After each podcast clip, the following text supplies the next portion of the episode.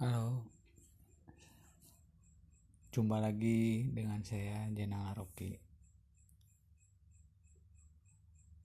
Kali ini Saya buat cerita ini Atau podcast ini Hari Senin. Oh udah masuk Selasa. Selasa jam 1.53 tanggal 29 September 2020 kebetulan malam ini saya sulit tidur karena efek penyakit saya seperti itu. Jadi kebalik tidurnya itu kalau malam hari susah tidur kalau siang hari baru bisa tidur. Nah di episode yang kali ini saya akan bercerita tentang perselingkuhan. Tentang perselingkuhan aja lah. Saya bercerita tentang perselingkuhan itu berdasarkan pengalaman pribadi saya. Dan yang data yang saya sampaikan itu adalah pengalaman saya bukan menuduh orang lain. Pengalaman saya saya yang ngalamin dan beberapa teman saya juga gitu. Tapi sekarang yang akan kita bahas saya pernah berselingkuh dengan istri orang. Nah jadi kenapa saya berpikir atau anda berpikir kenapa kok mau buka aib di podcast gitu?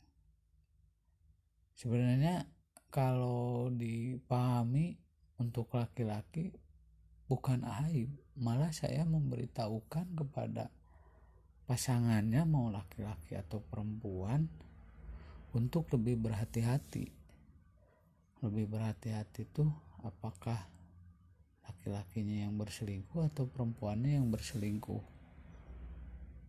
Nah pada kenyataannya ini hasil pengalaman saya. Perselingkuhan itu terjadi kalau kita kerja banyak waktu luang untuk melakukan itu dan perselingkuhan lebih banyak dilakukan oleh perempuan yang bekerja. Saya jadi jadi ingat eh, mohon maaf ya eh, hadis yang menurut agama yang dianut saya bahwa dalam agama Islam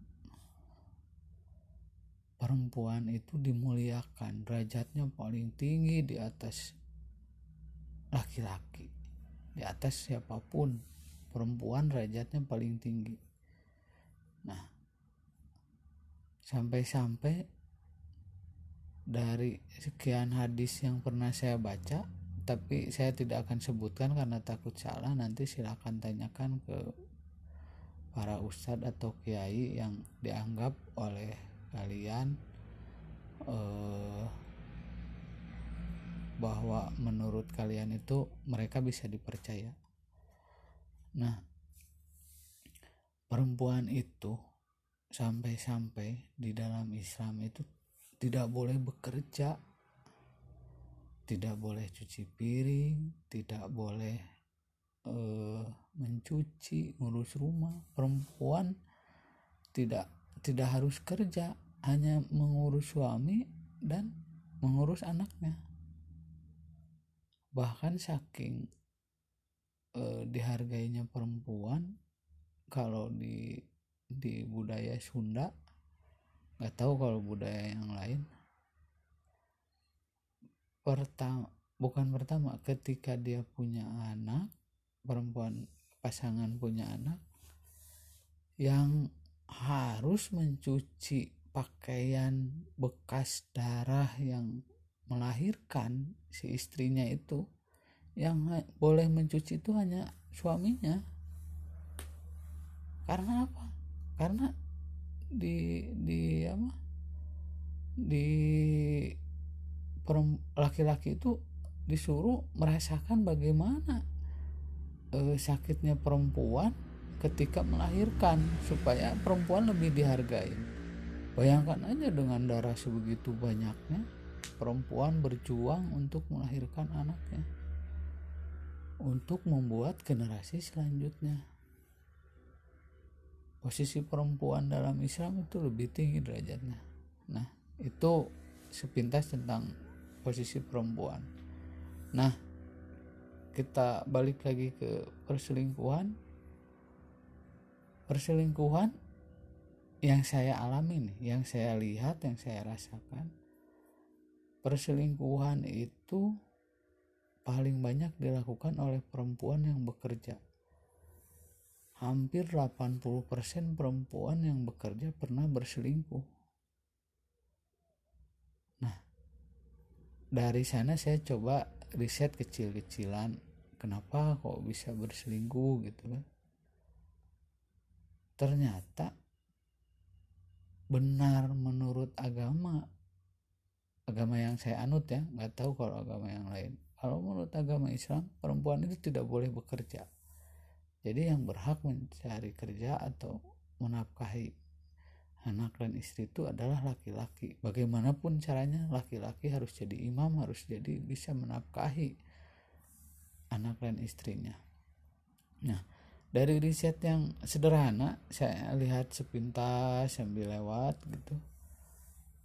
Di dalam lingkungan kerja, perempuan dan laki-laki atau laki-laki menggoda perempuan megang tangan atau colak-colek atau bahkan sampai memeluk itu hal biasa bukan bukan hal yang tabu bukan hal yang uh, apa dan si perempuan tidak merasa dilecehkan. Karena itu hanya dianggap candaan. Nah mungkin dari sana ada semakin lama timbul rasa atau apa. Nah akhirnya eh, karena kecocokan satu sama lain ya terjadilah perselingkuhan nah yang paling ini yang pernah saya alami berselingkuh tuh bahkan saya cukup lama berselingkuh dengan pernah lah dengan istri orang. Yang kebetulan suaminya itu pulangnya sebulan sekali. Maaf ini bukan bukan saya membuka aib tapi ini mohon dijadikan pelajaran bahwa kita harus bertindak apalagi laki-laki. Kalau mau jangan menyalahkan perempuan. Oh perempuan saya berselingkuh. Dalam Islam yang berhak memberikan e, nafkah itu laki-laki. Laki-laki itu punya hak menafkahi menggauli dan memberi ilmu kepada anak istrinya. Nah kalau istrinya berselingkuh berarti yang salah suaminya. Tidak bisa memberi ilmu kepada istrinya.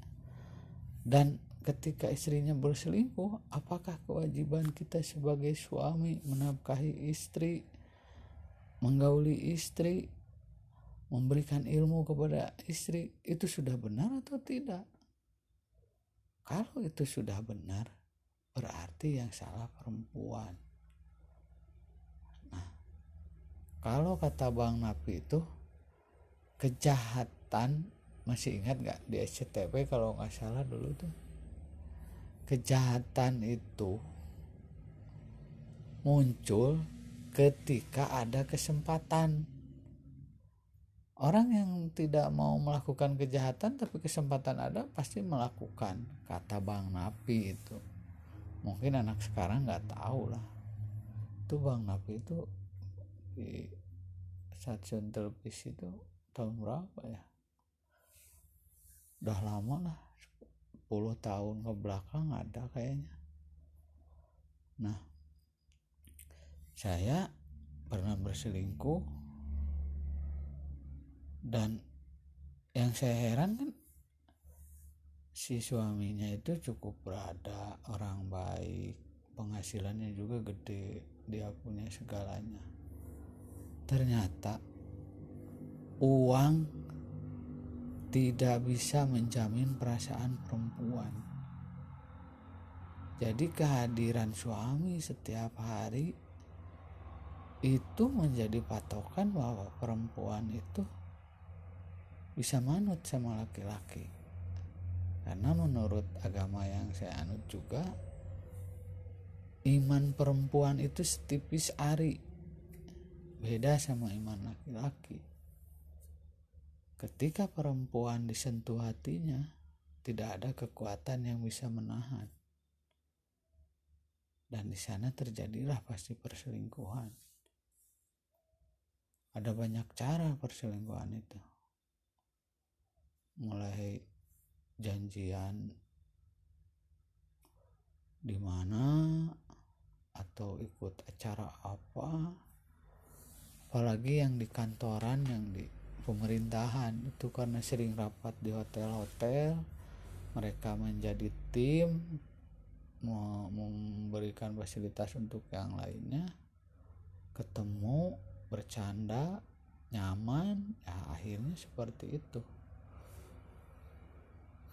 Dan ternyata yang saya alami itu bukan hanya saya banyak teman-teman saya juga seperti itu. Malah yang mengerikan itu menurut saya mengerikan ya. Uh, kenapa perilaku anak sebagian anak nggak kayak semua? Perilaku sebagian anak sulit dikendalikan.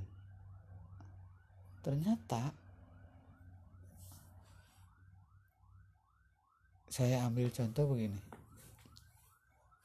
Ketika saya berselingkuh dengan istri orang terus melakukan hubungan intim suaminya melakukan hubungan intim yang tahu menjadi pembuahan dalam rahim tuh sperma siapa? Sperma suaminya atau sperma saya? Nggak tahu muncullah anak yang eh, apa tidak jelas bapaknya. Jadi dalam artian ini bukan tidak jelas e, karena tidak punya suami tapi tidak jelas sperma siapa yang masuk membuahi rahimnya. Nah ini yang mengerikan menurut saya. Dan itu e, apa? Banyak terjadi. Dan sekarang itu perselingkuhan bukan hal yang tabu bukan hal yang aneh. Di dalam kelompok-kelompok kecil orang-orang bekerja mereka tahu bahwa temannya berselingkuh dengan ini dianya berselingkuh dengan ini dan orang lain berselingkuh dengan ini dia tahu apalagi perselingkuhan antara pimpinan dan bawahan. Itu banyak. Banyak banyak sekali. Makanya saya terkaget-kaget ketika uh, Menpan RB ya Pak Cahyo Kumolo tuh Menpan RB kan kalau nggak salah. Saya lupa jabatan dia. Setahu saya dulu Mendagri. Pak Cahyo Kumolo menyampaikan kepada publik bahwa kasus yang sedang tren sekarang itu adalah poliandri bukan poligami lagi. Kalau poligami udah biasa. Dan menurut agama Islam kalau ada izin dari istri yang pertama dan bisa uh, adil terhadap istri-istrinya sah-sah saja. Diperbolehkan sah-sah saja. Nah tapi kalau poliandri gak ada. Yang mengatur bahwa poliandri itu diperbolehkan. Saya belum mendengar di agama mana pun yang menyebutkan bahwa poliandri itu eh, diperbolehkan. Poliandri itu buat yang tidak tahu mohon maaf poliandri itu ketika perempuan bersuami menikah lagi dengan laki-laki lain atau berselingkuh juga termasuk poliandri sebenarnya. Nah yang saya tahu yang kalau baca berita atau lihat berita di televisi budaya poliandri itu adanya di India di India itu bisa satu perempuan menikah dengan laki-laki. Nah laki-laki punya adik atau punya kakak tiga-tiganya menikahnya satu perempuan. Katanya kalau menurut berita ya di India yang seperti itu. Tapi sekarang malah terjadi di Indonesia dan di tempat saya. Dan saya sendiri yang ngalamin seperti itu saya jadi bingung. Mungkin eh, akibat akibat apa ya yang menyebabkan kalau saya secara pribadi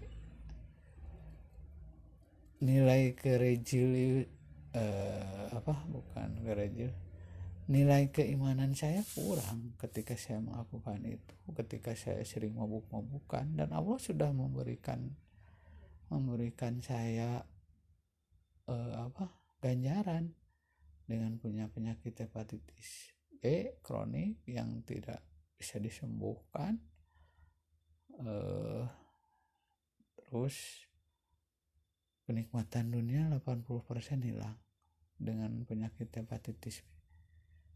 Nah, saya dari dari sana dari dari uh, terkena penyakit itu mulai mulai mendekatkan diri dengan Tuhan.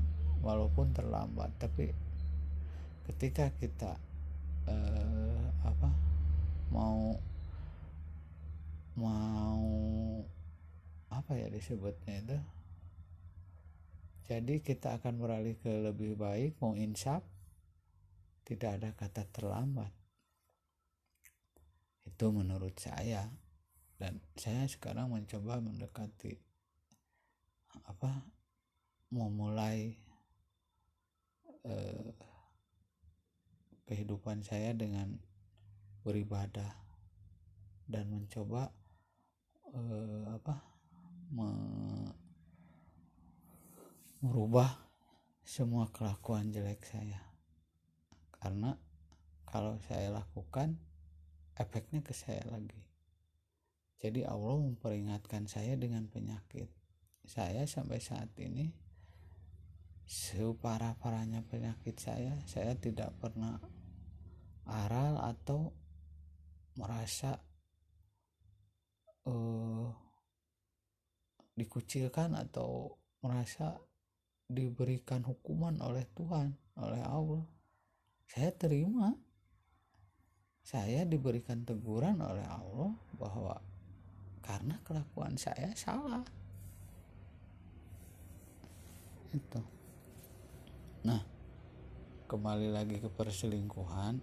Sekali lagi saya jelaskan, saya terangkan saya tidak bermaksud menuduh orang, mendalimi mendalimi orang, tapi ini demi kebaikan Bapak Ibu yang mendengar podcast ini.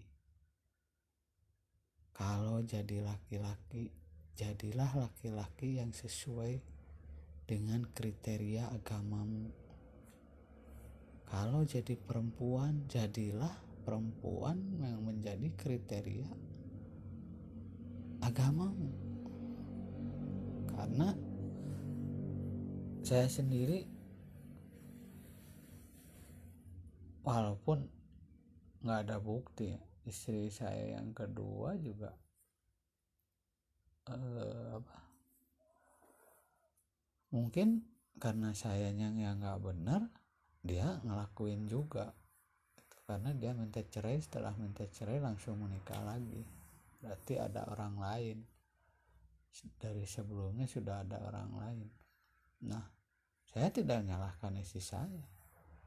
Yang saya salahkan diri saya. Saya tidak mampu memberi ilmu tidak mampu memberi nafkah. Dan kelakuan saya juga nggak benar. Ya akhirnya Allah juga menegur saya lagi. Nih kelakuan kamu saya kembalikan lagi ke kamu. Nah dari sana saya mulai menyadari ya harus gimana lagi menerima kenyataan aja. Dan kembali lagi saya tidak mau bermaksud membuka aib atau menjelekkan orang. Kalau jadi laki-laki jadilah laki-laki yang bisa menjadi pemimpin dalam keluargamu. Karena sejelek-jeleknya suami adalah pemimpin di keluarganya. Nah, sebenarnya banyaklah kasus-kasus seperti saya banyak teman-teman saya banyak teman-teman perempuan malah banyak yang kayak gitu. Dan mudah-mudahan ini jadi inspirasi buat teman-teman bahwa kita harus lebih baik lagi. Mungkin karena satu kealpaan saya atau ada kalimat yang kurang berkenan atau memajukan seseorang saya mohon maaf. Saya tidak bermaksud mengungkit atau menjelek-jelekan orang. Saya bermaksud saling mengingatkan bahwa hidup itu tidak cukup. Kita berbuat baik kepada orang lain tanpa bisa memberi ilmu terhadap keluarga. Jangan sampai apa yang terjadi ke saya terjadi pada kalian. Nah, mudah-mudahan pembicaraan saya di podcast ini menjadi inspirasi buat bapak-bapak, ibu-ibu atau teman-teman bisa membuat kehidupannya lebih baik lah. Oh, oh ternyata jangan-jangan istri saya juga gitu atau jangan-jangan suami saya juga gitu. Nah, tapi jangan harus saling menyalahkan. Tinggal kalau mau saling memaafkan, membuat dari awal lagi kehidupan yang lebih baik tanpa perselingkuhan. Sampai di sini dulu cerita saya. Sampai ketemu di episode selanjutnya. Terima kasih telah mendengarkan. Jangan lupa subscribe saya di YouTube dengan channel arojki.com kalau di blog sama arojki.com terima kasih buat semuanya. Dah sampai ketemu lagi